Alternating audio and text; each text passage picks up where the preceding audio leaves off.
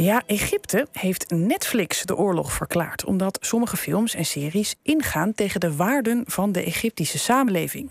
Zo was er een hoop gedoe onlangs over een film waarin iemand uit de kast kwam.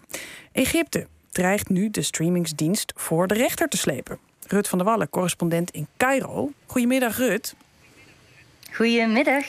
Eerst maar even, hoe groot is Netflix eigenlijk in Egypte? Zitten ze daar ook eh, massaal voor de televisie? Ja, zeker. Uh, Arabische kijkers die houden heel erg van het scherm. En uh, Netflix is de marktleider als het gaat over streamingdiensten. Dus online content, samen met Disney+. En het gaat over zo'n 12 miljoen mensen die betalen. Maar dat wil zeggen dat er natuurlijk veel meer meekijken. En de komende jaren denken ze dat dat aantal gaat verdubbelen. Dus het gaat best om heel veel mensen.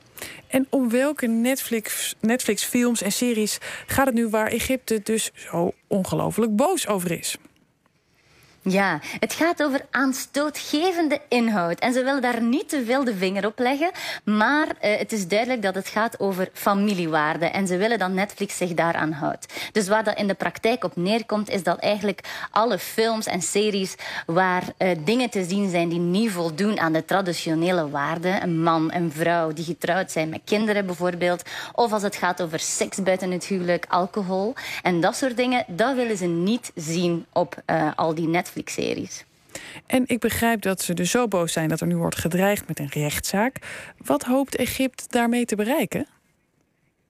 Ja, Egypte dan natuurlijk bekend voor haar censuur. En ze willen eigenlijk dat Netflix, wat een beetje buiten de handen glipt van de, van de content die zij op televisie wel heel goed kunnen besturen, dat die gewoon luisteren en ervoor zorgen dat ze niet meer, um, ja, wat ze noemen, sponsor van homoseksualiteit zijn, noemde iemand het. Dus eigenlijk willen ze gewoon dat Netflix ervoor zorgt dat de dingen die kijkers te zien krijgen op televisie uh, netjes blijven, volgens de Egyptische waarden.